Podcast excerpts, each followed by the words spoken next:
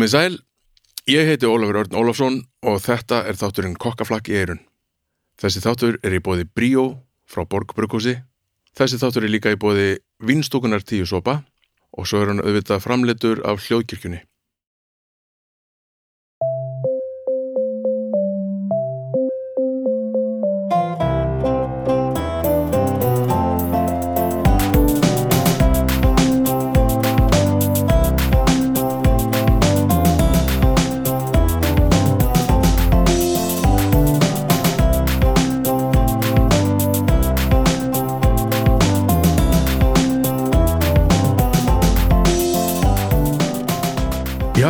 Daginn og komið sæl og gleðileg jól og, og, og allt þetta. Uh, ég vona bara að allir hafi haft það gott um jólinn og fengi gott að borða og það væri nú alveg gaman ef einhverju er með eitthvað óvennulegt sem við borðum að skella inn á Facebook og, og hérna fá svona umræður um það sko. Uh, í þessum þætti hafði ég samband við mann sem að býr í Brussel og við tölum saman yfir hafið þannig að það er kannski bínu svona ólíkt hljóðið á okkur og, og, og svo leiðis en þannig að við tókum, tókum okkur upp í sikur landinu uh, ég held að sé ekkit mikið heikst sko, okkur tókst að gera þetta ágætlega, við tölum saman bara í gegnum Facebook Messenger og tókum þessu upp og, og sikur sikur tæki sko. Tæknin maður, alveg magnað helviti sko. Uh, sá maður heitir Kristinn Guðmundsson og er hérna búinn að búa til fullt af maturislu þáttum sem heita Sóð og hafa verið síndir bæði á sjónvarpi símans, YouTube og, og Rúf við tölum auðvitað um það, við tölum líka svolítið bara um, um, um hann og hver hann er, hann er myndlistamæður mistraprófi myndlist og og, förum bara svona dálítið vítt og breytt yfir þetta allt saman Uh, mjög gaman, ógeðslega gaman. Ég var bara að skella á hann bara núna rétt í þessu. Þannig að ég hef alveg getað að tala við hann alveg heil lengi en ákvaða að hafa þetta bara svona og leifa ykkur að heyra þetta og hér er það. Og aftur bara segja ef að er einhverju hnökru á hljóðinu þá byrði afsökunar á því. En bara í staðin fyrir að séu hnökru þjóðinu hljóðinu þá fáið þið bara að hlusta á okkur Kristinn tala saman. Og hér er það. Gjör þessu vel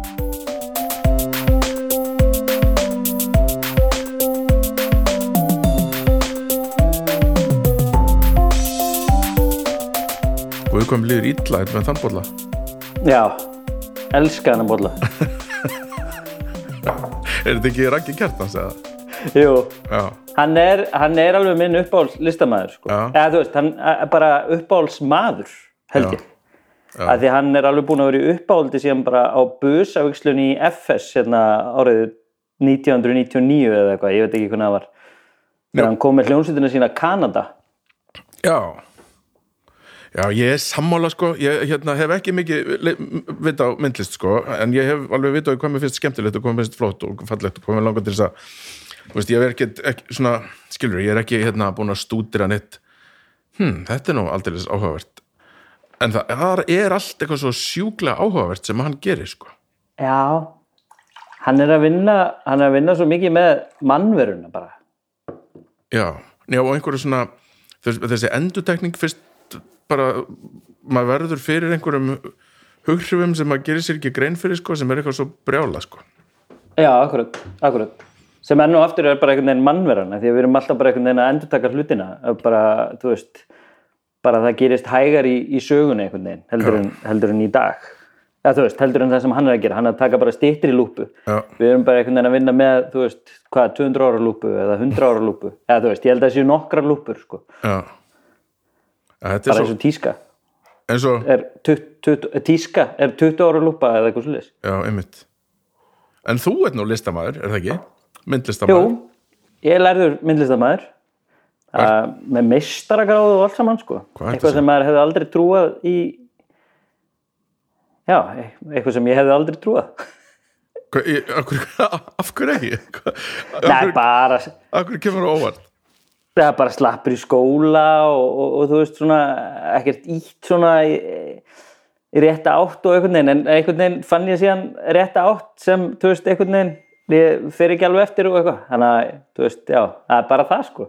Já, en hvað, ertu með mestargráð frá listaháskólanum eða? Nei, ég lærði ekkert á Íslandi, ég lærði í Hollandi. Já, ég tók bachelor námið mitt í, í, í Amsterdam og lærði þar í, í skóla sem heitir Gerrit Rietveld Akademi og svo tveimur árum setna fór ég, eða þú veist, strax eftir það flutti ég til Brussel og, og svo tveimur árum setna uh, fór ég á milli og var í skóla í Arnhem. Eða þú veist, hann var einhvern veginn svona svolítið út um allt líka en, en þar tók ég í uh, meistaranámi í skóla sem heitir Dutch Art Institute eða DAI mjög skemmtilegt. Og, og, og hvað heitir gráðan þín? Uh, ég held hún heitir bara MFA, veist, Ma- Master of Fine Arts. Þó að þú veist, þó að þetta var, setna námið var rosa heimsbyggilegt og pólitíst og, og svona. Þannig að uh, já, þannig að þú veist, það hefði alveg hægt að vera að kalla það heimsbyggi eða eitthvað svoleið sko. Já Í, í, En hérna- en ertu að vinna með málverk, innsetninga, hvernig, hvað ertu helst að vinna með? nú er ég bara að vinna með svoð í rauninni sko. Já. bara, hérna, sem, sem listakonsept? Sko, það er sko myndlistin er náttúrulega flókið flókið dæmið sko. Veist, hvað er myndlist, það er hérna þú veist, fólk segir ég get alveg að gera þetta og eitthvað svona, sko, þessi eh, típiska stemning sko, Hef heyrst þetta. En hún já, já, akkurat. Uh, en hérna, en hún er flókið dæmið sko, þú veist, í byrjun byrja þetta sem bara alls ekki myndlist bara, bara nei, það var með þess að einhver sem var með svona eitthvað heimagalleri og langaði að hafa eitthvað svona galleri í bílskotnum hjá sér og, og ég var mjög ánægð með þessa spurningu. Mér varst hún æðislega, hún kom hann alveg mjög snemma. Bara eftir held ég seríu 2 eða 3 eða eitthvað sliðis að hérna að þá fekk ég spurningum að, að gera eitthvað slags svoð innsetningu í þessu galleri í bílskúr og ég afþakkaði það út af því að þá var ég einhvern veginn á, á því að þetta væri ekki myndlist. Og ég er ennþá því að þetta sé ekki myndlist en einhvern veginn bara uh, er þetta flækjast aðeins inn í mitt svona myndlistar líf þannig að ég vinn í rauninni með allt. En, en það sem ég var að vinna með er rosa mikið performance mm. og er að vinna með marmarabörnum sem hérna, við fengum hérna fengum nokkur hérna svona sviðsvelun, hvað heitir þetta, hérna, grímuna og eitthvað svona skemmtilegt núna og hérna já, takk fyrir, við vorum með sýningu á stóru sviðin í borgarleikusinu, nei, þjóðleikusinu mm. og hérna og, og þannig að ég hef svolítið mikið verið á sviði upp á síkastið og, og já, bara bara, þú veist ef þú býður mér upp á eitthvað skemmtilegt verkefni þá, þá er ég mjög líklegur að segja bara já Þetta er bara til, er það þú? eða? Ha, Það er ég sko. Já, já, akkur ekki. Ég var, ég var til dæmis aðstofleikstjóri í, í, í Hvítu Hvítu dagur, myndinans Hlins Pálmasonar nú, já, já, já og hérna hafði aldrei farið á, á filmsett áður sko. En eh, ég segi bara, heldur ég geta það? Og hann alveg, já, ég held það. Og þá sagði ég bara, já, ef þú heldur það, þú veist það betur en ég. Og, og, og hvernig leistur það? Var, var það gaman eða var það erfitt? Hvernig, Það var ógeðslega erfitt. Já, hvað gerir aðstofleikstur? Ég veit ekki, sko. Ég veit eiginlega ekki heldur sko, út af því að ég var eiginlega pínu, ég held ég hafi á endanum orðið smá súkulaði kleina. Nú, En, en, já, er svona pínu, já, jú, er ekkert pínu, ég held ég hef verið algjör bara endar með að vera bara svona aðstofar, maður, eitthvað bílstjóri og eitthvað svona. Nei, það var nú ekki þannig, ég var eiginlega svona, segjum að ég hef verið svona yfirmaður á settinu. Já, Ég tók þann part af að því að, þú veist, aðstoflugstjóra á að gera miklu meira heldur en bara eitthvað vera yfirmaður á settinu. Mm. Ég heyri það í dag að það sé þriðji aðstoflugstjóri sem gerir það. og þú vissir ekki þá þannig að þú veist bara mjög ánað með þetta allt saman Já, ég, ég er svo sem alveg skýt saman með eitthvað titla, sko. Já, frábær mynd, sko Og alveg æðisleg, sko. Bara þvíli stoltur að hafa fengið að vera með, sko. Já. En þú gerir þetta bara, ef einhver kemur með einhverja góð hugmynd þá segir bara já Þetta er bara, þetta veist mér skemmtilegt, örgla Já, ef ég hef, ef ég hef trú á verkefninu, þá, og hérna, bara, bara 100%, bara hoppa ég á vagnin, sko. Hvaðan kemur, hvaðan, hérna, ertu hvernig hver er, hver er ferðalagið þitt fram að uh, listnámi í, í hérna Amsterdam? Ég var bara svona, ég er keflingingur, uppalinn þar, mamma og pappi eru aðfluttir, eða þú fluttu til keflavíkur, þannig að það er engin svona ættir að reykja þar, en er einn af þessum svona Já, getum við sagt original keflingingum og það, þeir eru svo fáur original keflingingar, það er allt aðflutt. Þannig að, já, þannig að ég var bara svona einhver venjulegu slakker í, í, í kefiskum skóla að spila körubólt og í skátunum. Já, sem er kannski, þú veist, það er kannski svolítið mikið mótsögn að vera eitthvað í körubólt og vera í skátunum því að, þú veist, ég var einhvern veginn fyrirliðin í, í, í körubóltaliðinu en var strýtt inn í klefa en, en ekki á vellinum af því að þá réð ég og svo þegar við komum aftur inn í klefa þá mér strýtt fyrir að vera í skátunum en mér er svona, þú veist, var bara alveg sama sko, því að mér fannst skátanir alveg æðislegir sko. og varstu lengi í því eða? skátunum? Já, bara frá Já, já, já, það er bara, já, alveg þannig ég flutti til Danmörkur sem var tvö, uh, þegar ég var 21 eða tvekja Já, ok Ég nefnilega var í skátunum líka þegar ég var unglingur sko, og, og mér finnst þetta skátanir sem fyrir bara leðilegt sko. Já, en það var svo margt í kringu það sem var skemmtilegt við vorum alltaf einhvers staðar upp á fjöllum í, í, í hérna, einhverjum útilögum og, og í einhverju svona Já. sprelli sko. Já, algjörlega. Það er eitthvað sem ég bara dyrkaði og ég dyrkaði, ég fekk að elda svo snemma þar, Já, ég fekk bara ég var bara allt í norðin bara eða ég fekk á tilfinninguna að ég væri head chef, ég veit ekki hvort ég hafi verið það en, en, hérna, en ég fekk það á tilfinninguna sem var alveg nóg sem er svo skemmtilegt við uppeldi í skátunum. Er, þú veist, að, að gefa þér tilfinningunum að þú hafi verið head chef. Kannski var ég head chef en svona retrospektiv, þá geti ég trúið að ég svona aukasef, en ég fekk að ráða hvað er í matinn bara heila helgi fyrir held ég 60 manns. Já og, og Og ég var eitthvað þátt í að búa 16 það ára. til og elda það og allt það. Já, já, já, og var bara eitthvað 16 ára eða eitthvað Já, einmitt. Já, já, þú veist, jú, það voru ykkur fóreldra með og eitthvað svona, sko en, og, og svona.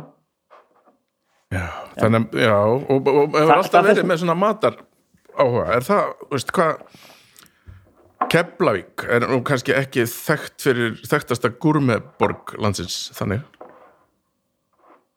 Jú, jú, hvað er þetta langbest og ráinn og allt þetta? Pizza 77, þar sem ég svona lærði að svona að fatta það að laukur væri ekkert bara laukur nema, þú veist, laukur með þessu getur verið gott en laukur einn og sér, þú veist, þannig að, jú, jú, kepla ekki gúr með borg. Pulsvagnin, ha, það má nú ekki glemma pulsvagninum, hefur smakkað hann? Nei, heyrðu, er það það sem að eru hambúrgarar sem að liggja í svona baði einhverju? Mhm. Liggja í, í, í, ég held að það sé einhvers konar svoð og svo farið bara, Já, sko, eitthvað svona, já, smjörsóð, myndi ég ekki kalla það. já, og svo farið bara Tómas Sinneb og, og stektan Já, og, og, og, og, súragúrku og, og hérna, rauðkál. Já, þetta er svona eins og Danir kalla buff sandwich, er það ekki? Mhm, jú. Já, ok, Buff ok, sandwich. ok, ég dreif þetta tilbaka Keflavík er greinilega bara kjóla En jú, já, sagt, já ég sagt kem þaðan og, og svo hérna flytið til Danmörkur uh, 21 eða 2 ára og er að stúdra þar ljósmyndun og í tvö ár og nefndi ekki að finna mér samning og var eiginlega rekin úr skólanum uh, þann per se, eða svona þannig séð sko, Er ljósmyndan einn kennara- þannig að þú ert hérna, ert á samningi hjá mestara og, Já, þetta var alveg svona auglýsingar ljósmyndun sko. En ég var alltaf bara í grunnnáminu í tvö ár út því að þar gæti ég bara tekið á filmu frítt í bara uh, tvö ár. Bara fekk endalust á filmum og, og gæti bara framkallað endalust og var bara að læra ógæslega mikið sko, sem var alveg aðeinslegt.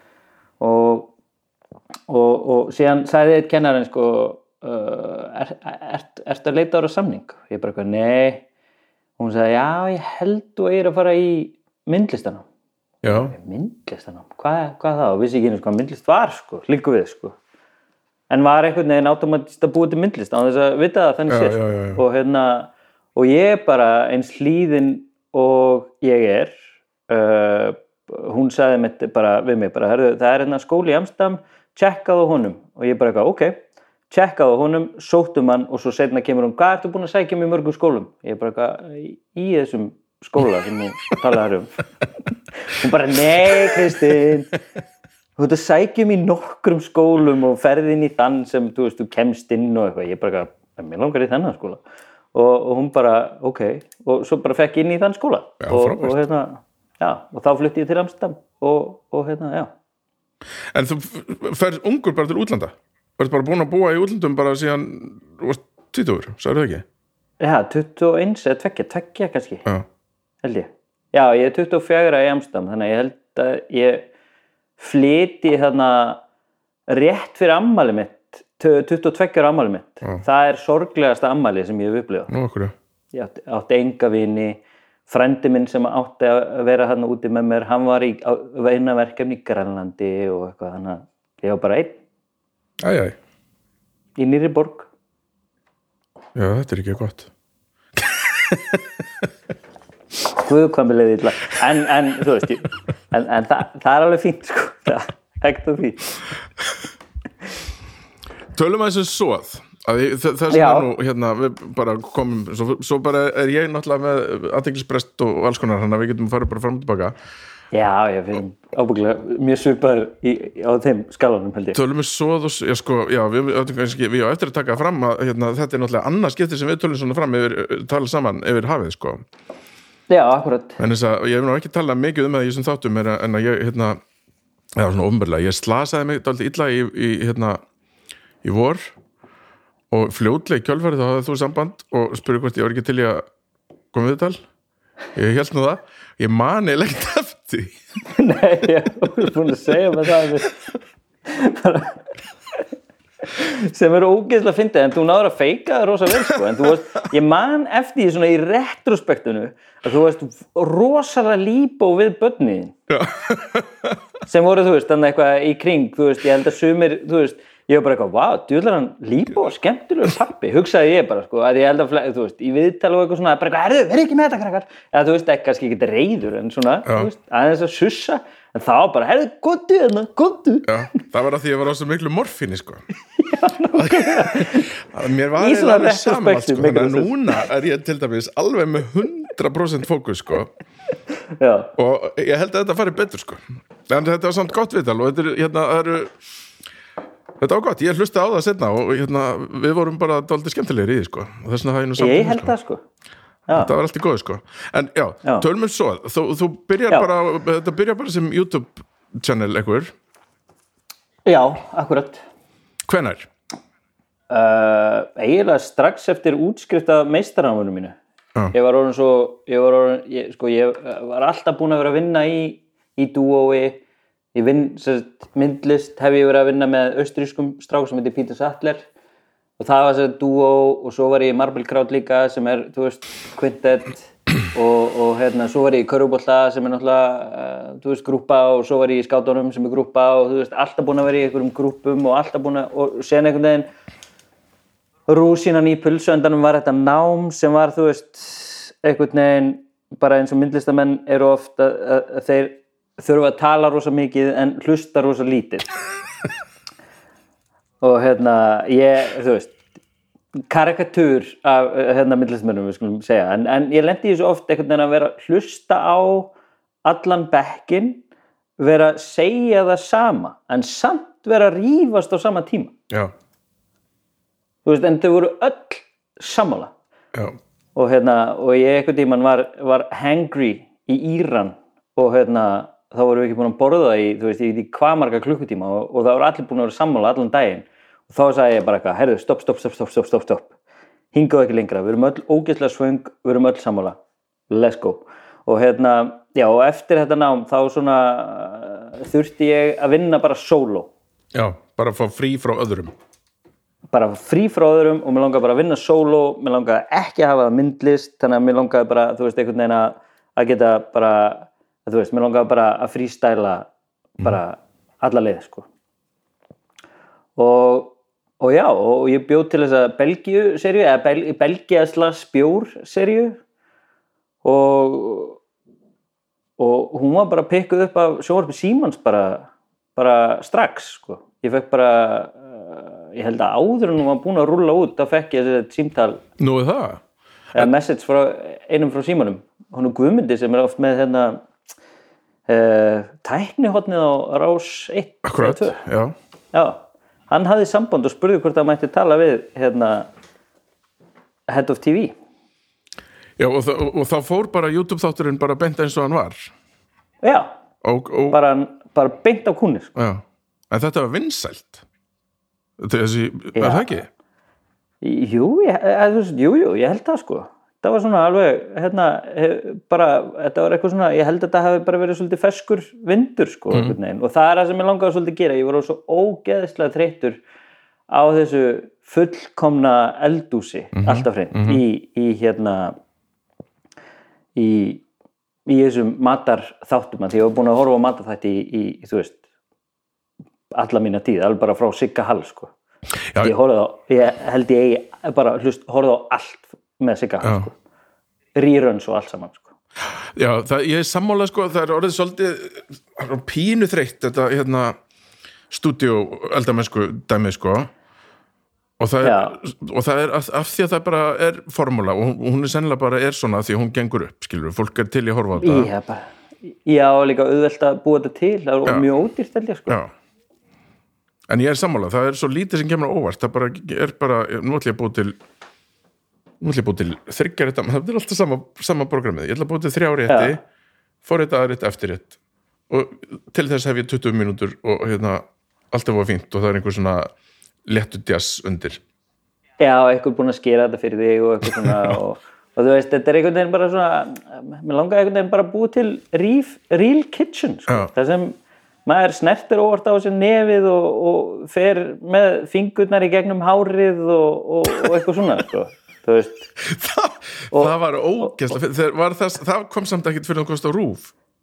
Nei, það, það var rúf sko, sem hérna, það var búið að vara mig við þessu sko, að, að, að, að, já, ok, bara til þess að stilla upp fyrir fólk sem kannski var ekki fylgjast með sko þá Já. nefnilega um, varstu með þætti núna seri og rúf sem var frábær bæði, bara æðisleg sko.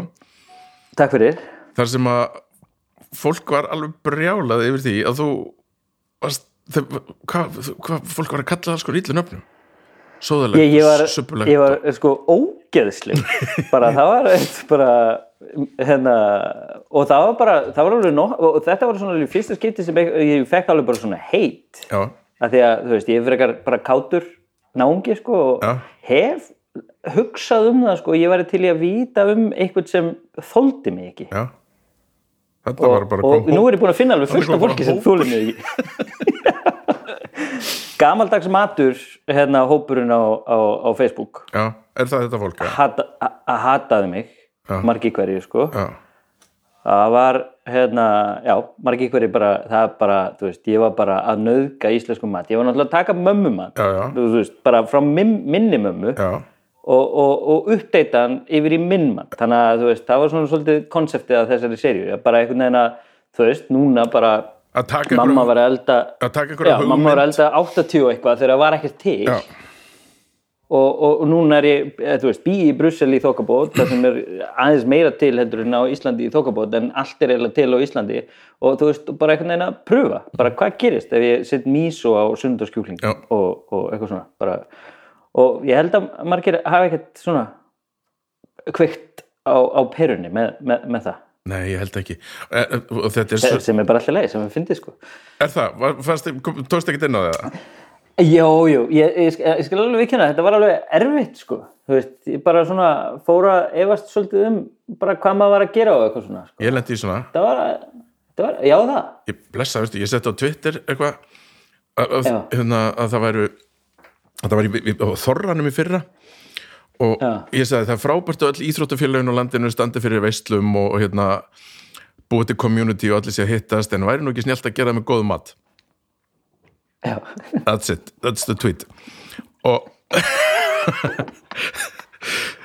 og það var pikkað upp af morgublaðinu og hérna bara Ólafur Örn hatar þorramat. Og það var bara þvílið, ég bara, ég hef sjaldan lent í annar í þessu holskeplu og það er mikill holskeplu af leðendum og dónaskap að mokkin pikkaði það upp líka.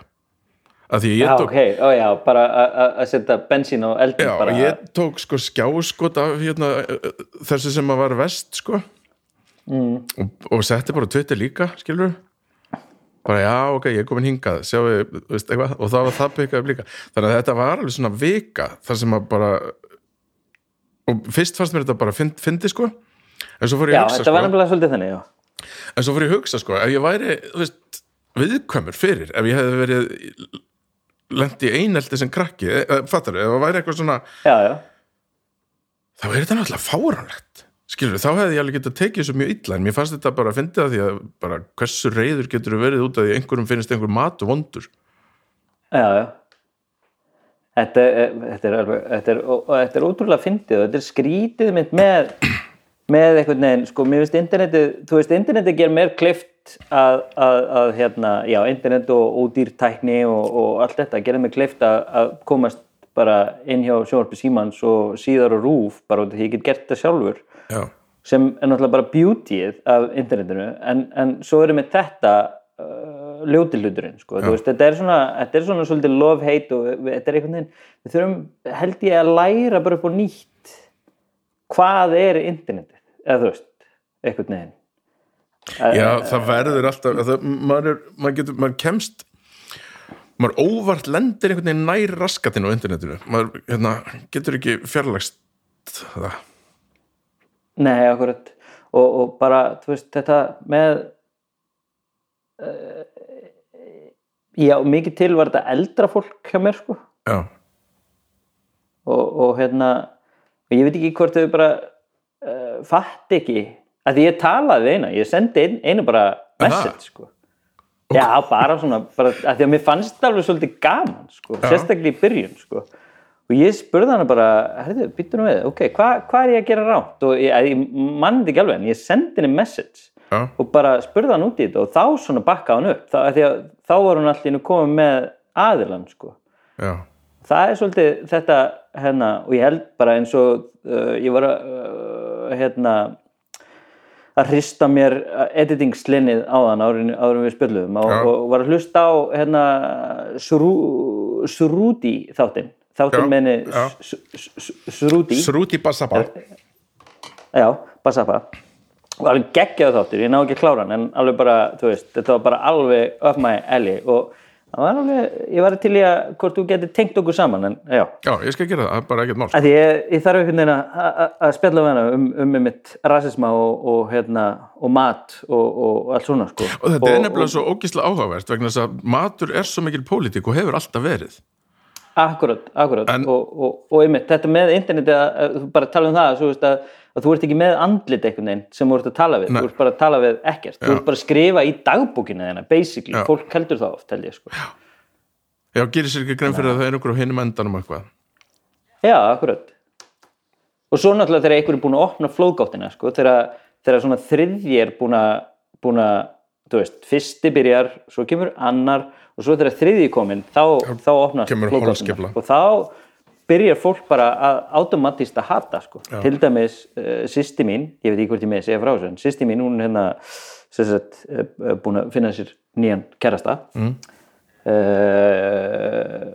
og hún var að uh, hún hitti mömmu hans og, og hún var að segja hver ég væri og að þú veist fjölskyldan væri og hún sagði bara já Kristín er það svoð og eitthvað og hún bara já ég fílaði nú ekki að þetta en svo horfði hún á, á þá aftur og hún bindsaði bara alla tíu þættina Já. bara í einu gói og bara fílaði tætlur.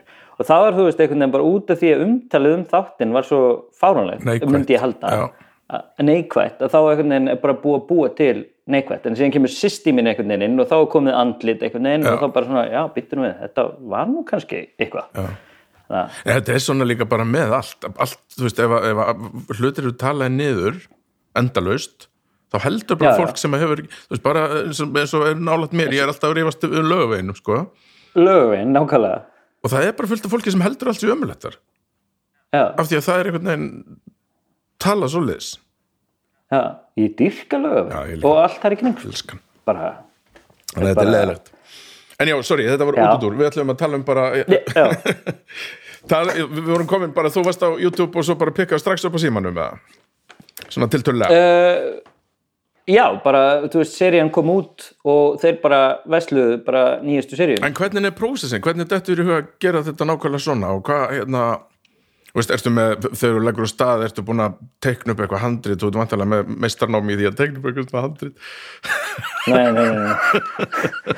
nei, nei, nei, nei, ég er náttúrulega bara, þú veist, e eitt kommentið uh, svo við förum aftur þangað en, en við förum strax aftur það sem við erum. Og það var hérna sem mér fannst ógeðslega gott, þetta er bara eitthvað ja, þetta er einhver, akkur er ekki hægt að finna venjulegt fólk, þetta er bara enn eitt ADHD-keysið á rúf Já. og það var bara, það var bara uh, ég get ekkert hérna, veist, ég er ekki með greiningu en, en hérna en, en veist, ég held að hann hafa alveg hitt naglan á höfuð sko. en ég held að þessi partur af, af þú veist, uh, þú veist fyndninni einhvern veginn í þettinum en já, nei, við, til dæmis þegar ég er að vinna með Janusi, eins og Reykjanes hérna, við, Janus Bræði Jakobsson við fórum setja á Reykjanes saman. Og, og hérna og þar er ég bara lauslega búinn að teikna upp hvað ég ætla að elda fyrir hann já, og hvað ég ætla að sína honum. Já, allt hitt er bara eitthvað uh, á milli okkar sko. Og svo náttúrulega bara verði, svo, svo hvernig ég klippi þetta niður þá klippi ég bara allt sem er áhugavert inn og svo bara horfi ég á það allt aftur og þá klippi ég út svona, þá finn ég svona já ok, þetta er línan í þessum þætti. Já, og þá verð ég bara að fara að drepa, drepa darlings. Já.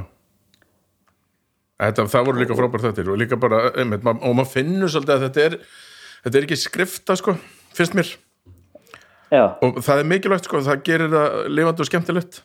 Þú veist, eitthvað, Já. einhver staðar glemdir að salta eitthvað og eitthvað svona og það er bara ónað, skilur við, það, það sem er svo gerir þetta svo eitthvað fallegt sko.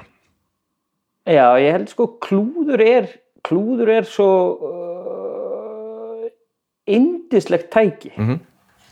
til þess að læra til þess að hlæja til þess að, að, svona búa til uh, hvað er að segja eitthvað, eitthvað núans þú veist, þá bara þú veist mun hann klúðra í dag veist, það er bara spennandi að sjá hvort, að, hvort hann klúðri eða ekki sko. en síðan náttúrulega, síðan vill ég ekki veist uh, uh, ég er náttúrulega kannski að bjóða upp á klúðrið með því að vera úti að elda auðvitað, eða upp í stúdíói uh, að elda eins og gömlu þættinir en hérna en þú veist, ég er ekki að reyna klúðra. Nei, en svo kemur það sko og þá er líka bara spurningum sko, þá- hvernig bjargar þér út úr því Já, akkurat.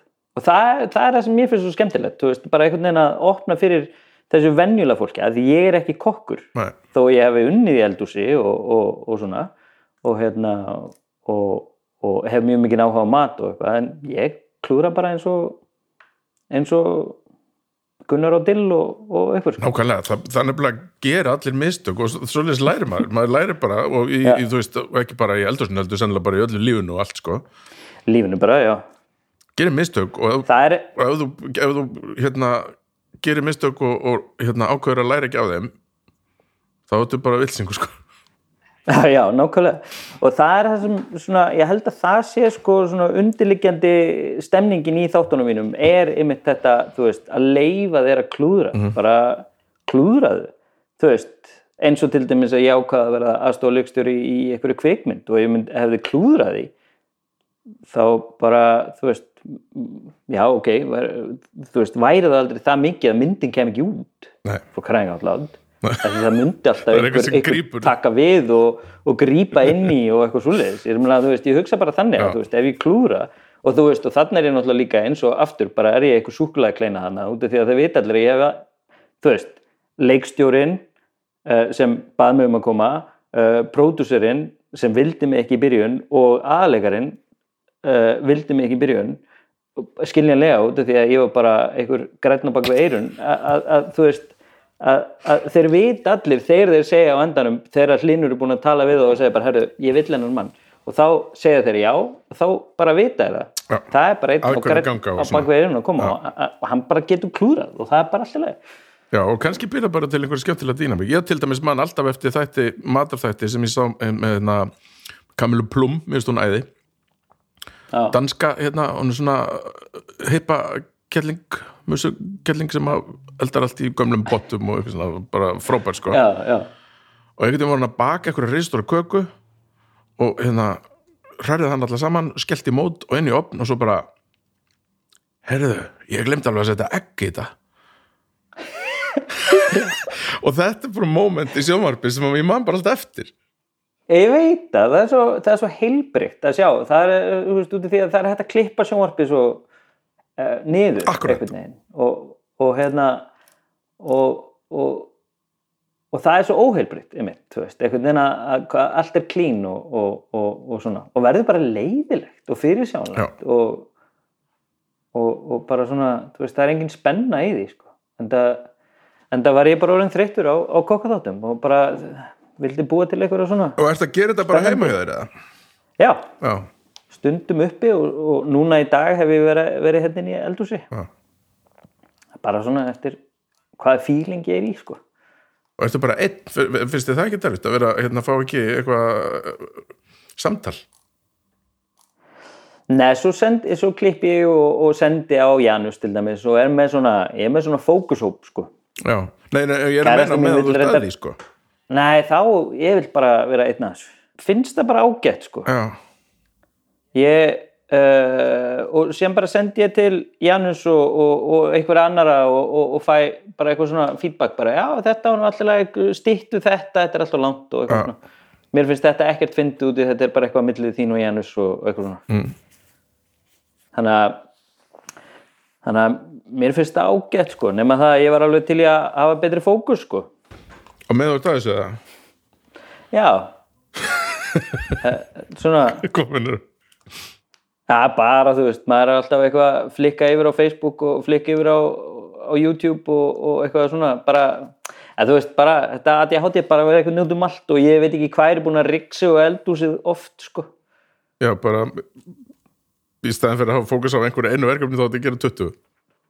já, já, og svo bara langar mér í kaffi en það er bara út af því að mér langar að búa til kaffið. Já, þú veist, ég, ég, ég síðan bara drekki kaffið kallt, bara eitthvað, æ, fuck gleymir því. þannig að gleymi því bara Já, og, og, og hérna að því að mér, mér leitið svo í morgun einhvern veginn að klippa, ég veit ekki hvað það var og, og hérna og uh, fekk mér hátegismat klukkan svona hálf ellu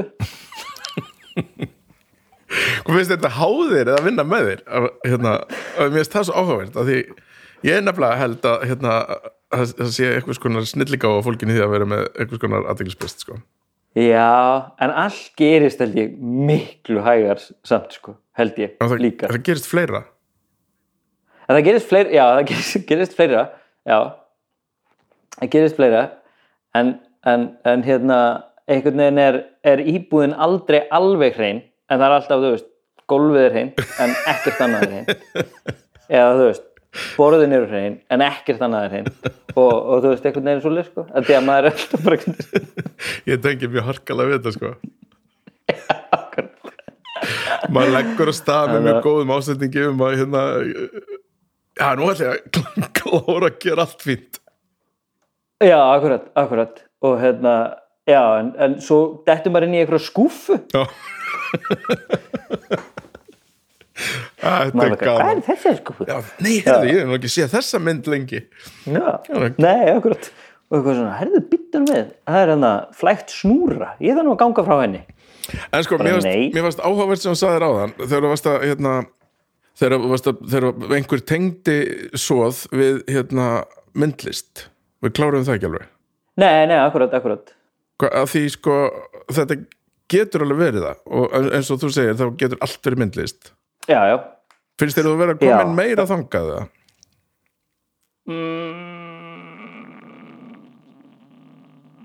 ekkert frekar sko um, nei, nei, held sko ég held ekkert frekar heldur en í byrjun sko ég held bara að ég sé kannski bara farin að opna hugan fyrir því að þetta gæti verið bara partur af minni myndlist Mm -hmm.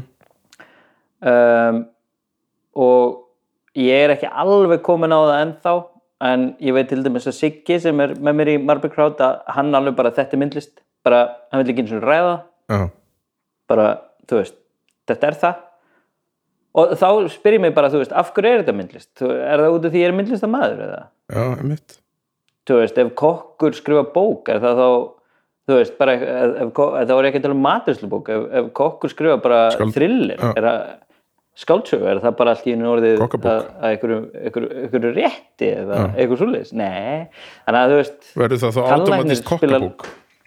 já, akkurat. Eða, eða þú veist, að tannlæknir eh, spili lag en, en það verður ekki lag en það verður eitthvað, þú veist, að laga tennur eða eitthvað, ég veit ekki, að þú veist að, að, þú veist, ég bara, ég bara spyr með þessu og mér finnst það allt í lagi, sko. Já. og mér finnst bara ógeðslega gaman að fólk tengi þetta við myndlist. En kannski bara óþarf að vera eitthvað að setja ykkur stimpla og skilgrina og eitthvað já, og svo er það bara það sko. Mér finnst það bara alveg óþörfið sko. Já, mér finnst bara, þú veist, ef þú sérð einhverja myndlist úr þessu þá bara, bara bara er ég ánægð með það. Og, ef ekki þá bara er ég líka ánægð með það sko. Það sem mig langar rosalega er sem sagt, að því að myndlist nær ekki til massans. Nei, af eða, þú veist, ástæðu fyrir eða, þú veist, ástæðan er vendalóti því hún- myndlistin er, er, er svolítið þú veist, svona á að vera allavega svolítið framalega og, og dregur svolítið eða eitt af þeim öflum sem dregur dregur vagnin sem kallast þjóðfélag eða eitthvað svo leir já, eða þú veist, þannig sé ég það á svolítið að vera svolítið gaggrínin á status quo og Já, akkurat, og, og þú veist, einhvern veginn að, að brjóta niður hefðir og, og, og svoleiðis. Það sem ég hef verið svolítið mikið að gera í svoðið mitt líka er að brjóta niður hefðir, eins og til dæmis jólaþættirni mínir voru líka, bara virkilega að reyna að brjóta einhverjar hefðir.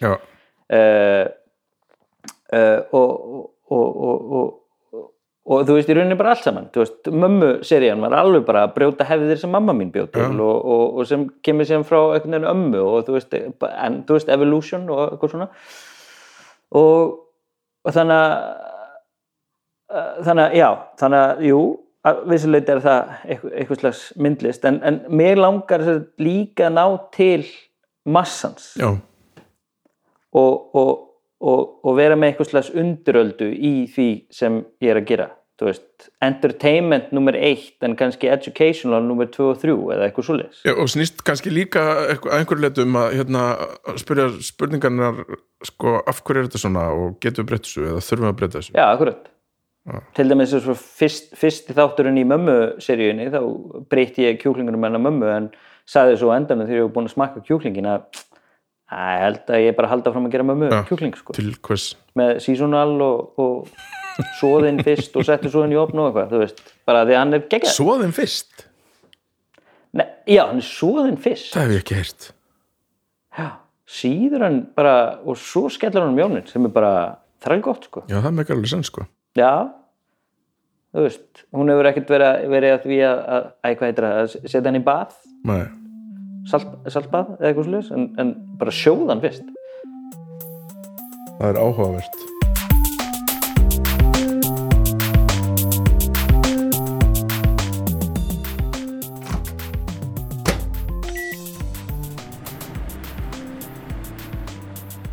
Þessi þáttur er í bóði Bríó.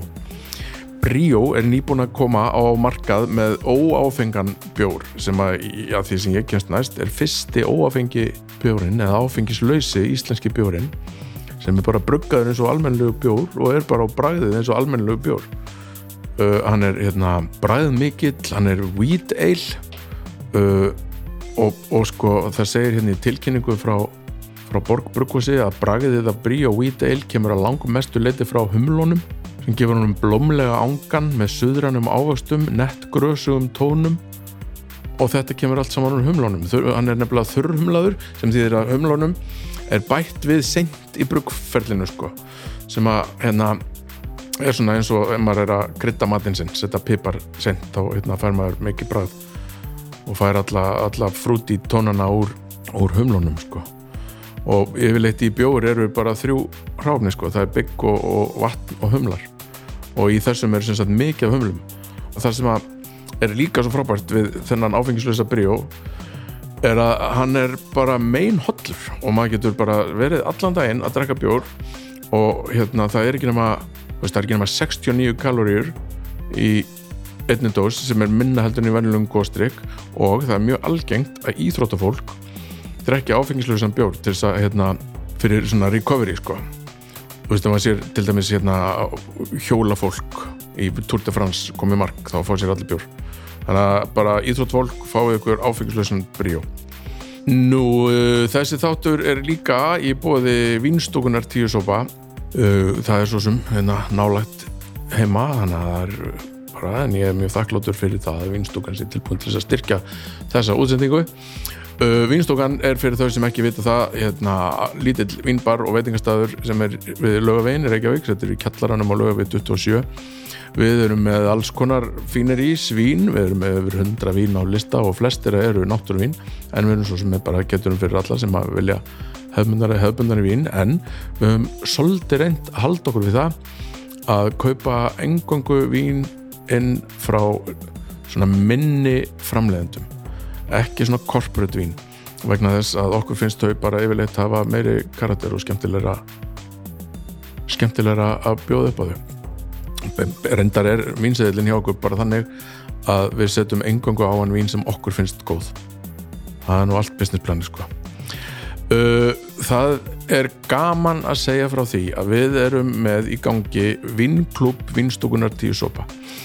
Og þegar þetta fyrir loftið þá við að, erum að fara á stað önnur sending. Fyrsta sending hefnaðist mjög vel. Við, við sem sagt fólk gerist meðlumir í klubnum og í staðin færða hérna sendingu heim til sín, fjóra vínflöskur.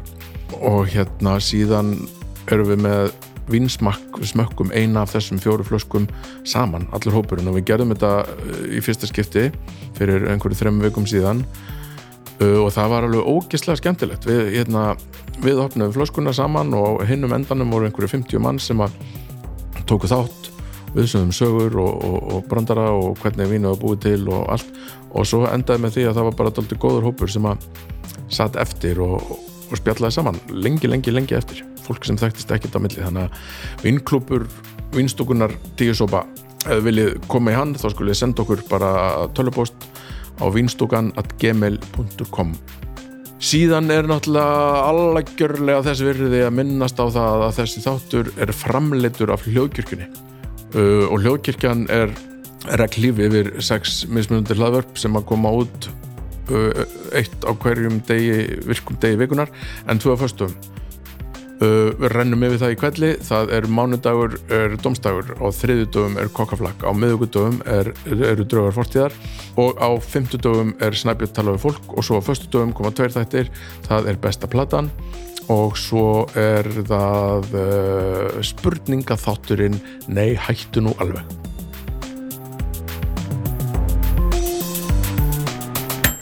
Uh, Sko.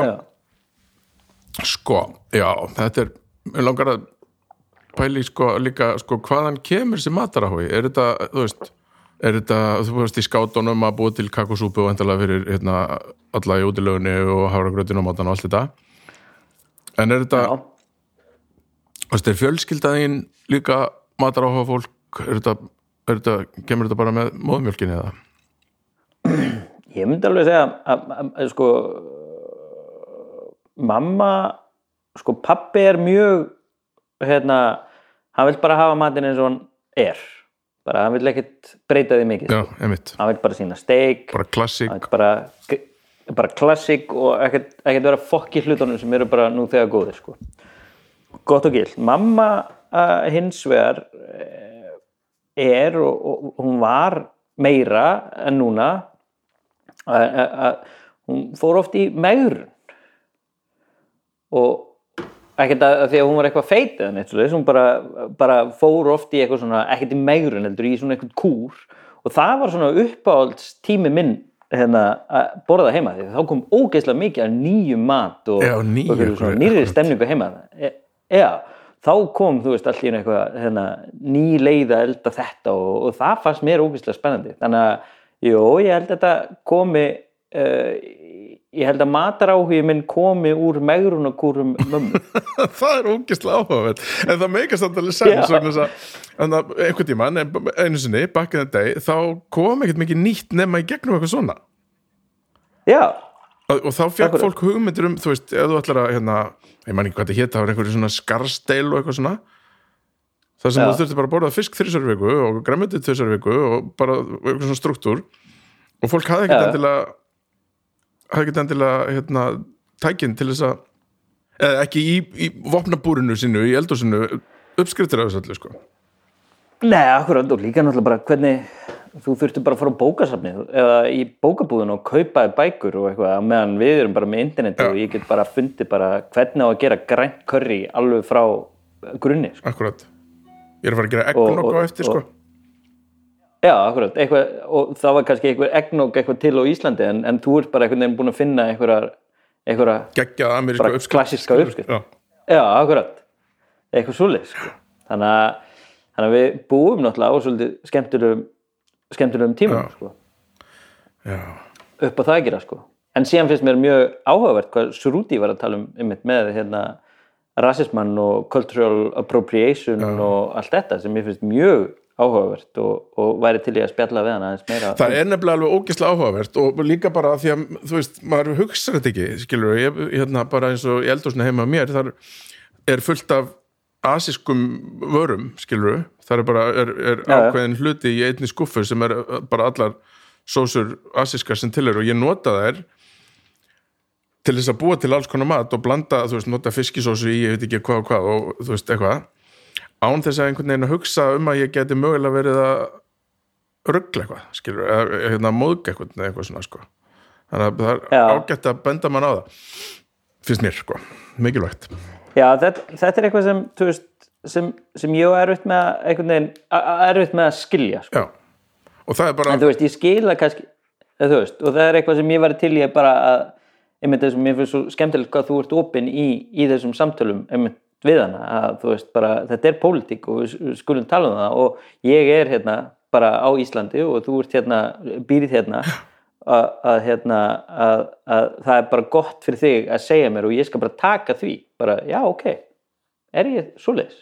Í staðan fyrir að fara í skarfin og segja, "Pa, hvað rugglir ég meina, við þurfum bara að hlusta, við, bara, við þurfum að gera okkur grein fyrir okkar hérna forundastöðu sem kvittir gallar, Já, punktur. akkúrat. bara í öllu, sko. Já, já, nákvæmlega og þú veist, bara skemmtilegt sko. Það bara, opnar bara nýjar dyr sko. Já, en svo er einmitt að því að veist, sko, að- svo býr þú náttúrulega í, í einhverju hérna, fjölbreyttustu eða sem sagt, já, með, með einhverju fjölbreyttustu flóru Evrópu í borginn sem þú býr í, sko. Já, akkurat, í Brussel. Og já, og þar af leiðandi er mataflóran alveg stórkostlega, sko. Og hún er alveg trillt sko. Bara, bara það er, þú finnur allt hérna, sko. það er mjög erfitt að finna, finnst mér með Brusselina mínum uppbólsborgum í öllum heiminu, sko.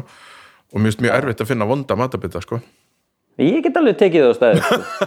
Nei takk, ég, hérna, ég þarf þess ekkert, sko. Leiðilegt að bóra vonda mat, sko. Já, akkurat. En jú, það er alveg rétt hjá þér sko. Þú veist, það er bara, það er ógeðislega mikið að góðum stumina sko. og sennilega, sko kebab, ha, kebab on the other hand er ekki góður í þessari borg. Nei, það vantar aðeins. Já, það, sko, þó að sér bara nóg af hérna Tyrkjum og miðausturlandabúum og, og svona uh, þá, nei, það er bara kebabin er, þeir eru ekki að vinna með ekki að spila Max, gott hérna, sko.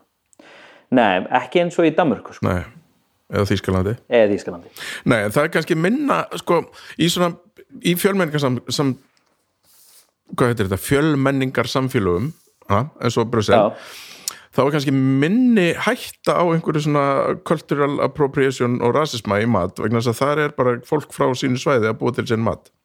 Jú það, jú uh, ég mynd, ég, veist, ég myndi halda það, sko en það er rosalega mikið samt um hérna, sem er að gera svolítið núna er að, er, er, þetta er eiginlega svona einhvern veginn öfugt hérna.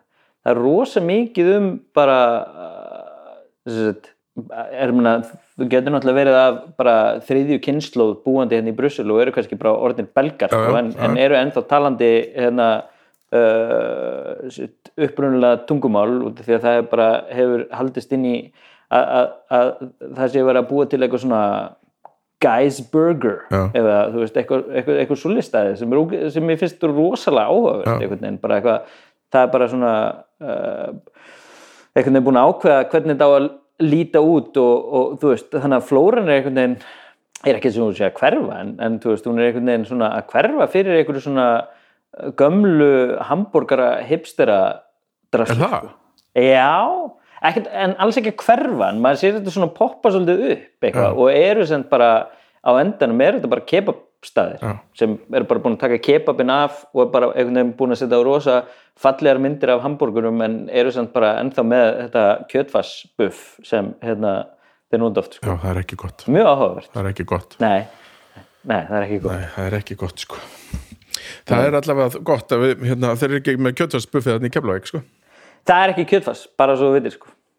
Það, nei, nei, nei, nei, það er bara, bara bara, þetta er, þetta er bara venjulegur svona 90 gramma hambúrgari sem er steiktur á pönnu og svo er hann settur í fytuna sko. já, briljant. eða þú veist, hann er steiktur á pönnu alveg sko, ég held bara á sunnudöfum er steikt fyrir alla vikuna og svo er hann bara gemtur í ískapnum og síðan er bara sett í sko. eða þú veist, ég veit ekki hvort það sé á sunnudöfum það getur verið þessi tvisvar eða, eða þrisvar yfir vikuna, svona eftir lokun þá er pannan notuð sko annars er pannan bara notuð sem, sem hérna, sem bara borðpláss Já. hún er bara köld á, á vöktum sko Briljant. Hvar varst að vinna á veitingastöðum? Ég, sko, ég, ég vann á Pizza 67 í Keflavík, það var svona fyrsta sótt um að vera bílstjóri en uh, var bakari strax sem var rosa gaman Það er mjög töff að vera pítsabakari, eitthvað já, ég var, ég var sko hann bara, ég greinlega kom inn á réttin tíma því að ég var sko kortir í 16 nei, í 17 sko. Já, var ekki komið með bílpróf en ætla, var bara svona að sækja um bara þegar ég fæ bílpróf fæ ég vinnu hérna. Og hann bara, eitthvað, nei, bara getur þú byrjað á morgun sem bakari, ég bara, "Uh, já.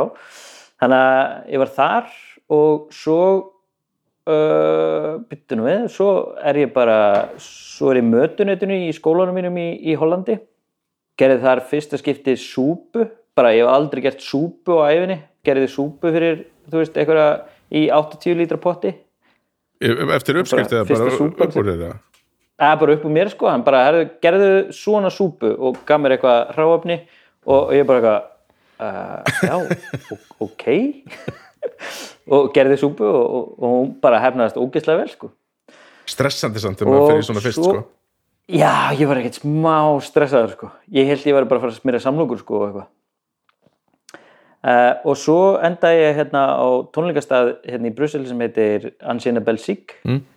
og hérna og þar það er bara fyrsta vinna mín sem ég fæ hérna í Brussel og ég var þar off and on alveg eitthvað þrjú, fjör ár og það var alveg svona ágætis veitingastæður Já, og, og, og, og, og, og hérna og er ennþá bara mjög fýtt vinnur chefsins þar sko. Og, og hérna og, og bara við vorum að pröfa alls konar og ógeðslega skemmtilegt sko. Og, og já já það er bara, það er einu staðinni sem ég hef unnað sko. en læriði ógeðslega mikið á, á þessum seinasta sko bara, bara eiginlega allt sem ég kann eða svona allt sem ég kann til þess að elda fyrir massa fæ ég þaðan sko. Og ertu svolítið að gera það?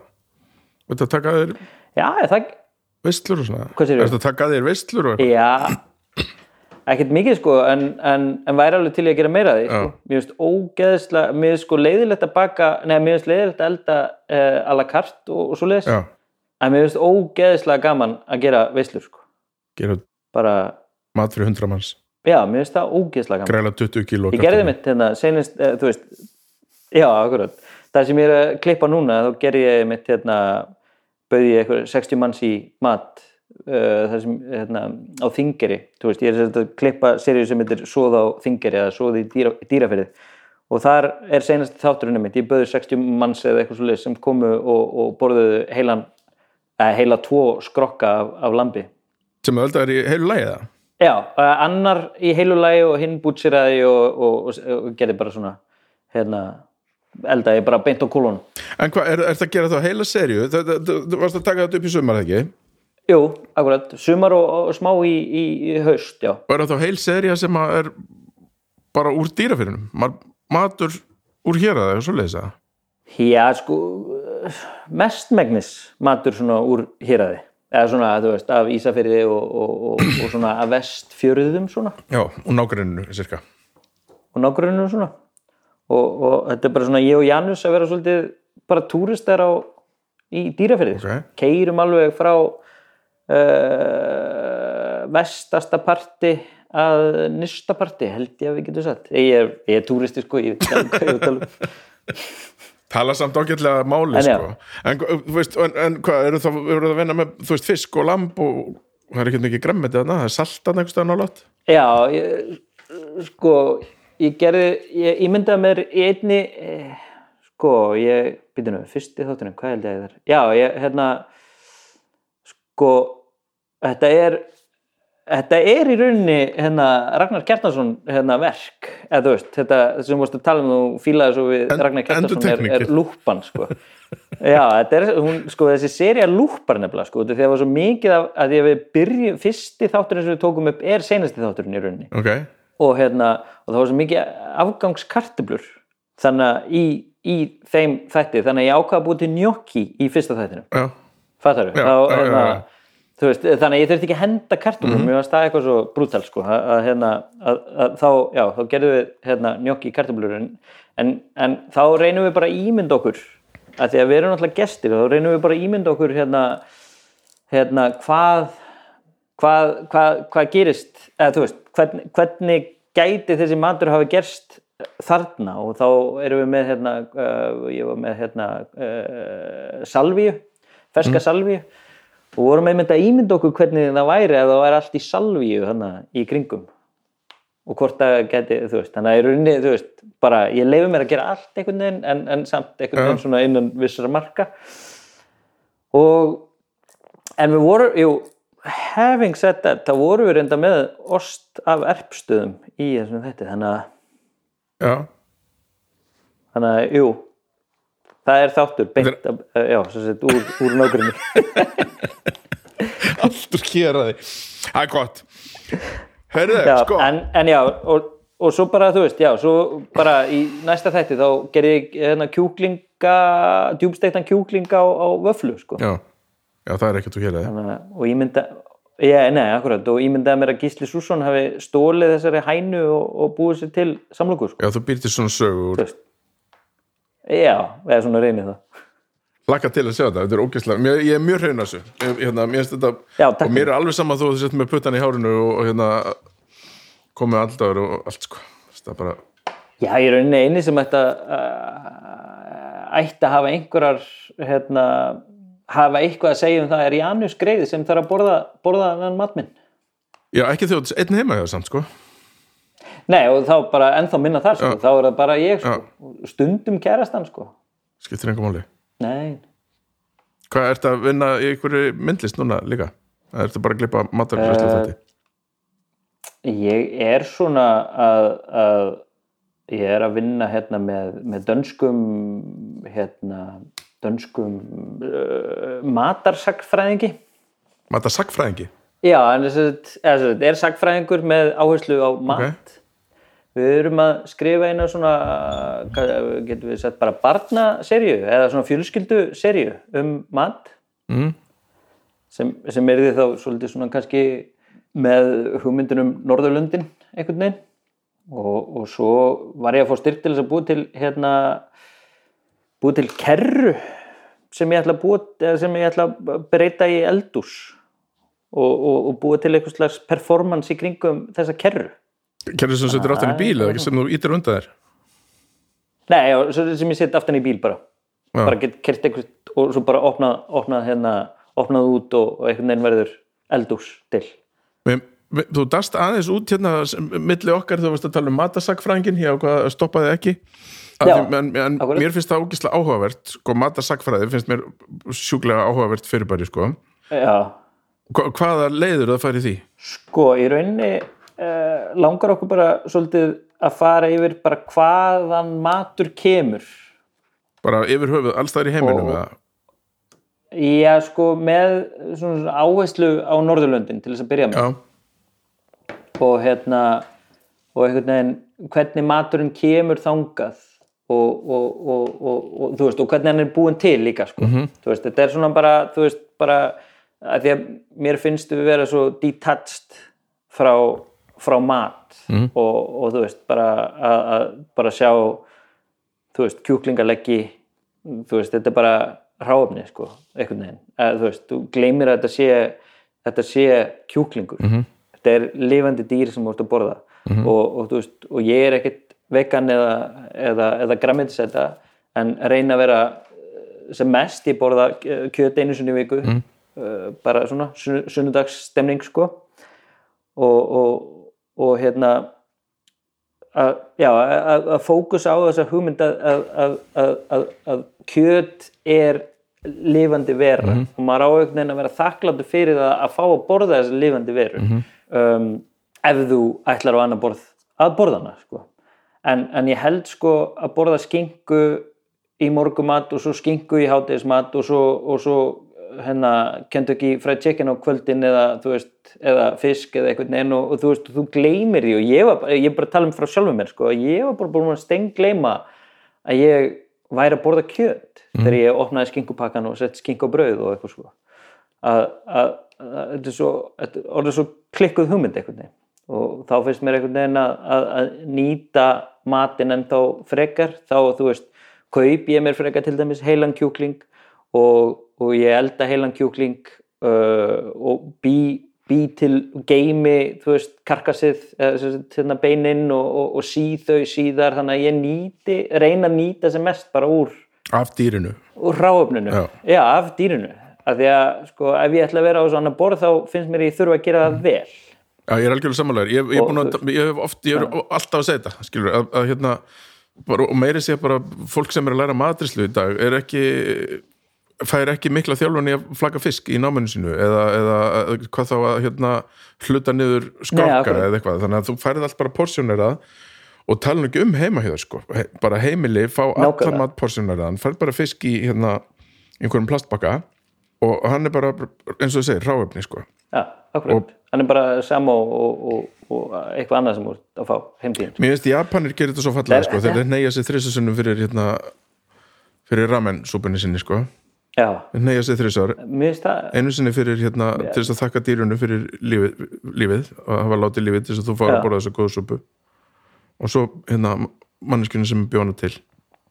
Og svo bara veist, guði fyrir að fá að vera til. Þetta er eitthvað svo, finnst þetta eitthvað svo fallegt sko. mér finnst, mér finnst þetta, þetta sko, og þetta týnist svolítið í, í hérna, þjóðfélagi sem er að fara og frætt og, og þú veist, ég er ekkert að týna Ísland út bara að Ísland sé eitthvað að fara það er bara hér líka og þú veist, þetta er, þetta er þessi hraði, þú veist, til dæmis þið voru að tala um, ég man ekki við hvernig, veist, jú, við hana hérna uh, Mæsól, Já, Ragnæð Mæsól súrdegs þættinum, Ragnhildi Mæsól að, að hérna þessi hugmynd með brauðið að einhver tíman back in the day þá malaði fólkið hérna, greinið og bakaði svo brauð og fekk öll vítaminin úr og síðan var einhvern veginn bara, þú veist, hraðin orðið það mikið að það var búið að taka öll vítaminin úr út af því að það var svo auðvelt að baka en þá þurfti að eh, dömpa fullt af einhverjum aukaefnum í, í hérna í brauðið, þannig að það varði einhver næringagildi í brauðinu sem er náttúrulega bara, þú veist, sem er náttúrulega bara, þú veist it blows your mind hvað þetta er stúpid, Já. sko Þetta er það sko og þetta er bara, þetta er bara út af einhverjum hraða og, og, og þú veist að við erum einhvern veginn komin ring í, í þessum hraða Mhm. sko. En svo náttúrulega vindur allt upp eða skilur, svo, svo talar allt saman sko, það er, þú veist, allir mjög margir svona, hérna, til dæmis matursluþættir í sjónvarpi og internetinu snúast um að búa til quick meal, skilur var ekki Jamie Oliver Já, með heila seríu sem að var bara matur og innan við 15 mínútum og eitthvað svona, þetta, þú veist, Já, þetta já, er svona, það talar allt inn í þetta sko, einhvern veginn sko. Já, en kannski líka þurfum við bara að er, þú breyta þú veist, við þurfum að hugsa bara líka að gera þetta öðruvísi í staðin fyrir að þurfa að búa til mat á 15 mínútum í dag sem ég ætla að borða í dag.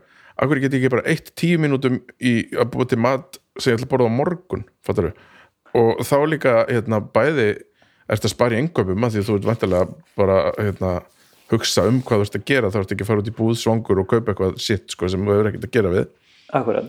Veist, það er að ég er að læra þetta smá saman, ég ætla ekki að segja þessi góður í þessu sko, en ég er að læra þetta smá saman og súrdegið er að hjálpa mér mjög mikið sko. Já, sam, sama hér sko. Að hugsa bara fram í tíman sko. hérna, já bara, og COVID hjálpaði mér. Ég, ég fór á hverjum degi út í búð hverjum einasta degi, eða þú veist kom einn ég fór fimm sinnum út í búð á viku.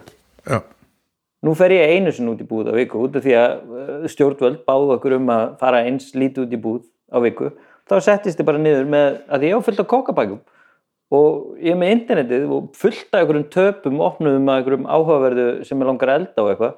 Þá bara skrifa ég niður, ég þarf þetta og þetta og þetta og síðan samina ég í rétti og ég held ég hefði sparað fullt af peningum með því að fara bara miklu sjálfnar út í búð. Af því að þá bara saminaði ég rétti í eitthvað sko. Akkurat. Og svo svona þegar leið á vikuna þá var, þá var ég hættur að búa til eitthvað rétti sem ég var búin að ákveða og þá þurfti ég að fara að búa til eitthvað úr hráöfnunum sem voru eftir. Mhm. sem voru ógæslega skemmtileg. Já, sem að gera þetta nefnilega meira skemmtilegt og spennandi sko. já, akkurat, þannig að þannig að COVID hjálpaði mér rosa mikið í þessu sko. Já. hvernig er stemmingin í Brjósel núna? uh, bara hræðilegt held ég sko. Já, Já, þeir opnuðu búðir fyrir, fyrir jól, held ég.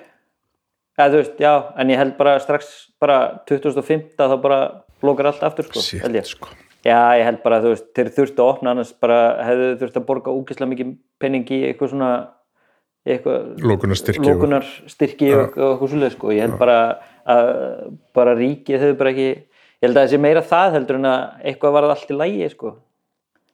Já, og líka bara að- já, fólk þarf að komast út sko, ég held að það sé líka bara mikilvægt já. hitta aðra og eitthvað ég sakna þess Já, ógislega mikið að vera ekki bara út að hitta alls konar fólk sko Já, ég líka.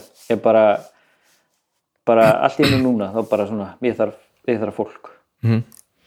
Ég veit að, herðu, þetta þú verður allt í góð þetta verður allt í góð, hvernig kemur nýja serían? Já, já, já.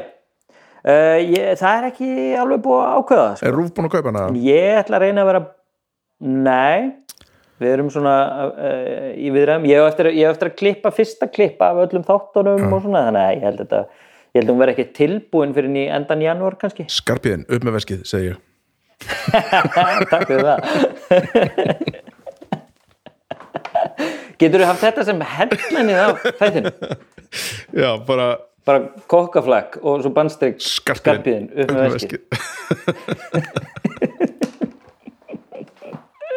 Hvað er í jólamatinn hjá þér? Því nú erum við að taka þetta upp fyrir jól þetta verður spilað eftir jól sko. Já, uh, ég veit ekki ennþá. Nei, Ég þarf nú að fara að ákveða mig. Hvað? En það verður, það verður eitthvað græmitis sko. Já, ok.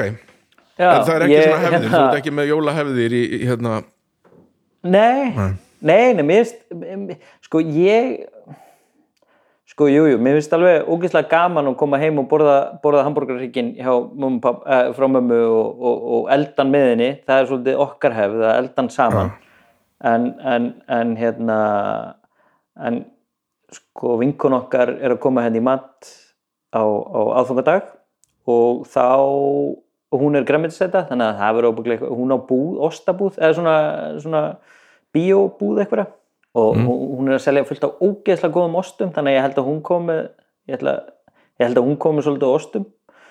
Og svo uh, var ég uh, sko ég veit ég hlustaði nefnilega á jólaþáttiðin Já, í gær. Þáttinn hérna. og hérna sleggjudóma þættin sko mér fannst það vantaði sleggjudóma um oragræna bönir en er Já, en hérna, já, ég skal bara segja hvað mér finnst um oragræna bunir. Já, segðu mér. Mér finnst oragræna bunir æðislegar en bara einn dag á ári með einum mat. Bara með hangikjöti og ofmetnar, Þær eru 100% overrated, ofmetnar, sem sagt. nema í þessu já, saman ok. Já, ég, ég get borðað þær í tartalettur. Já, þú veist, þegar það eru svona þrjár í tartalettur en, en hérna já, býtu já, já, ég- já, hvað ætla ég já, ég var, já, ég var að hlusta á þáttiðin og þið töluðu um hérna Wellington nauta Wellington reyndar, Já. sko að það væri ofmyndið sétt, sko Já. mér fannst svolítið skemmtileg hugmyndin hjá þeim að, að vera með brauðið on the side og eitthvað svona, þannig að ég var að hugsa um að gera sagt, mitt, hérna vegetarian útgáfu en var ekki alveg búin að ákvaða hvað ég ætlaði að vera með í Nei. en ég held að það er þið seitan sem er því án þess að ég veit ég sá það einhvern tíma búið til seitan í einhverju þætti. Já, að það var í jóla jólaseri ef maður rétt að klúra þess það bara eh, frekar illa. Epically Ertu búin að ná tökum á því eða, eða kaupir það? Nei, ég er ekkert, ég er ekkert búin að reyna það síðan Nei, nei. Nei, það er eitt ég er búin að gera það reyndar einu sinni með vinni mínum sem er vegetarian sko, og búin að vera það í mörg ár sko, og búin að búi til seitan áður en að græmmetisætu stemning byrjaði sko. Og hann, hann gerði ógeðslega góða sko og myndi að ég væri búin að læra þetta á honum hann, bara þetta eina, e, einu áramót sem við eittum hann í Fraklandi en, en uh, það var ekki rétt. Nei, og ég þarf svona ég þarf að reyna aftur, kannski ger ég þetta. Já Þetta var frábæð þáttur sko, mér langar ekki að búa til þetta seitan mér langar alls ekki að borða það, en þetta var mjög skemmtileg þáttur sko. Ég þarf að horfa á hann aftur sko. ég man ekki eins og hvort að ég enda ég með eitthvað pródökt eða hvernig var? það manna ekki alveg sko, man hvort þú endaði með eitthvað Nei. sem að þér fannst bara alls ekki gott. Ég, þetta var einhvern veginn svolítið sko. Já, já. Þetta var, ég held að þetta hafi verið með sér seinasti þátturinn. Þetta var svona, þetta var svona the big, bara stóri þátturinn aðal rétturinn, mér minnir að ég hefði sett þetta upp svolítið þannig. Big finale og bara klúrast en það er allt í lagi.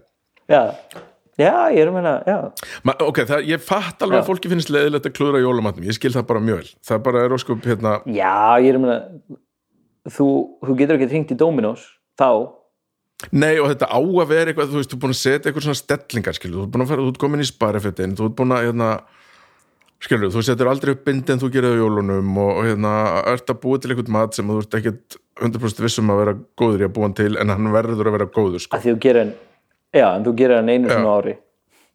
Já, En ég fatt alveg þetta stress, sko. já ég, ég skil það með líka sko. Ég, og, og ég þannig að, að, ég hérna svona en ég stress, stressast ekkert nei, þannig séð sko. Þó að ég viti eins og fólk sér í þáttunum að, að, hérna, að ég klúra hlutum alveg bara epigli sko. og veist ekki hverju lokan er verður, en þá verður allavega gott rauðkall. nei, já, já. Eitthvað, eitthvað svo sko. Og eitthvað súkulað eftir og eitthvað svona. Já, þetta er náttúrulega í Belgíu. ég veit hvað verður í eftirrétt eða þú veist hérna, býttu nú við. Eitthvað svona uh, fílódeig fílódeig hérna pumpkin stemning verður í eftirrétt hjá Nú, já, þetta er eitthvað búlgaskur eftirréttur. Mjög fallegur svona, það búið, búið til svona uh, fílódeigs hérna svona rullu. kröntsrúllu alveg svona, bara svona hvað var að segja, 5 5 cm í dímetri eða eitthvað Ja. svoleiðis, sko og hérna og, og, og, og, og, og, og, og síðan er bara, veist, inn í þessu er bara, er, er bara mjög sætt hérna graskir ég held að það verið rosa gott sko. Áhugavert. Hörðu, ég ætla að fara að kveðja, bara. já, já, já Uh, bara, ég held að við séum bara konum með þetta meira minna, þannig, eða ekki? jú, ég held það sko að þú veist, svona, já, ég held það Þú veist, ég er ennþá, hérna- ennþá með samt nóga, pláss á minniskortinu og eitthvað svona, sko, þetta var Já, ég held ég hef ekkert nema kannski bara uh, þið getur fundið svo á Algjörlega. Facebook. Ha, ég held að flestir þættirnir séu og þar. Instagram. Og, og YouTube líka. Og já, það er einhver þættir á Nei. Instagram en það er hægt að fara á Kristinn Sóð og ég er voða slappur Instagram sko. Já, ég, ég minnst þetta svo minnst þetta svo leiðið Já, ég sammála, ég, ég, er, hérna, ég er mjög duglegur á Instagram þegar, hérna, þegar, þegar ég þarf að promóta eitthvað Já, já, já, akkurat, ég, sama hér sko. en þú veist, einhvern veginn að bara þegar ég er heima, þú veist hvað, þú veist, ég bara einhvern veginn ég nenni því. Nei. ég reyndi hann um daginn að vera eitthvað að taka myndir af, fallega myndir af sem ég var að elda en mér langar bara að borða for crying out loud. Já, þú veist, að taka myndir af matnum. Ég, ég nenni því sko. en ég er, ég, hvenær kemur þessi þáttur út? Uh, að milli jólun í ós milli jól og nýjás, já þannig að eftir jól, sko, að ég vill ekki láta kapna í, í hérna í jólakösinni sko, jóla internetkösinni þá í janúar ætlar Kristinn Guðmundsson að opna svoð.is Nú, hvað, ge- gerist þar? Hvað er á svo.is? það verða bara allir þættirnir með og uh, uppskriftir af flestum á flestum að því ég hef aldrei skrifað uppskriftinnar mínar En er það, er það vinni því núna þannig þá? er hægt að ég er að vinna í því líka sko núna. Að, hérna, að skrif, þá horfi ég allar þættina aftur og, og skrifa niður uppskriftina eða svona semi uppskriftina sko. að því ég hef litla trú á uppskriftum að því að það er munur á paprikryddi á Íslandi og hér og, og þú veist bara í þínum skáp og mömmuðina skáp og eitthvað svona sko. Og, og hérna svona, þannig að þetta er svona um það bil uppskrift og, og já, allir þættirnir og svo ætlum ég að vera svona kannski að skrifa eitthvað líka? Já, eitthvað svona, svona Svona. blogg.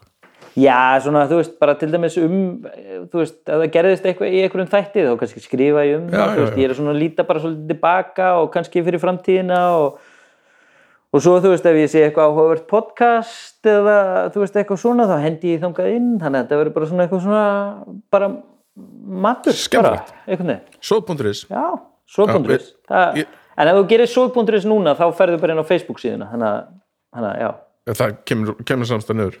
Já þannig að á endanum þá, hérna, í janúar eitthvað tíman, þá ferðu inn á sóð.is þá ferðu inn á heim ég ætla að geða þetta. Ég er orðin svo spenntur. Ég er orðin svo spenntur. Herru, ég ætla aftur að þakka fyrir hérna komuna, eða þú veist, innan allar gæðsalappa komuna. Herri, já, bara takk fyrir að hafa mig og bara, mér finnst bara alltaf gaman að spjalla. Ég held að þetta hafi verið skemmtilegt sko. bara hlakka, já, hlakka til að koma bara í, í, í víntíðin einhvern tíman á næsta ári. Það verið svo næs. Og hérna, já, bara takk fyrir mig.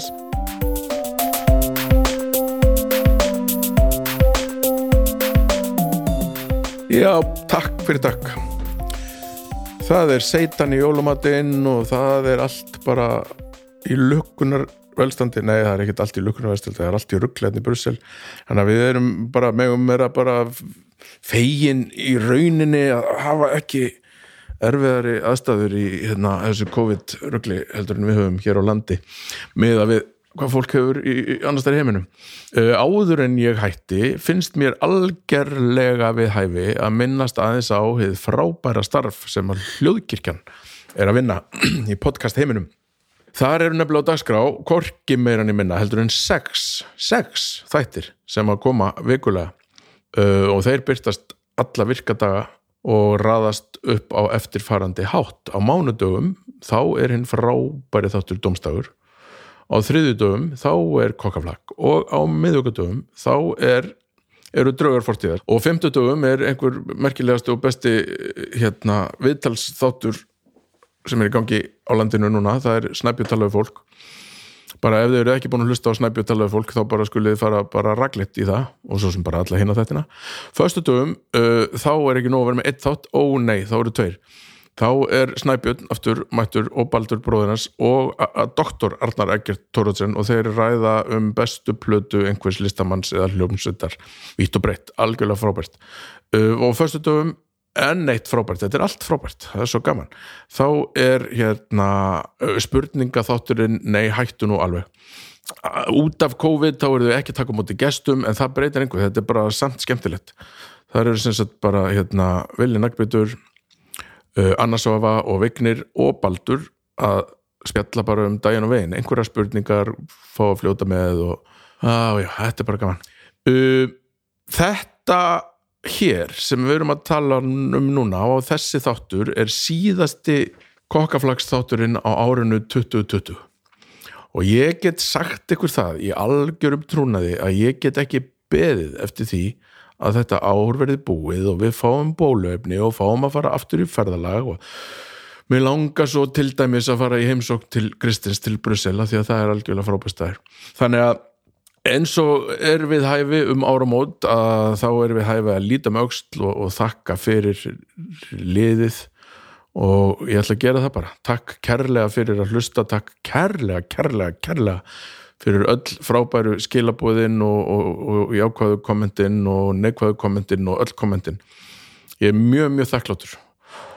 Og ég óska ykkur bara gleðilegs nýs árs og þakka fyrir samfélgina á því ári sem er núna er að líða já, já, það er ekkert mikið meir um það að segja þannig að heldur bara takk og bless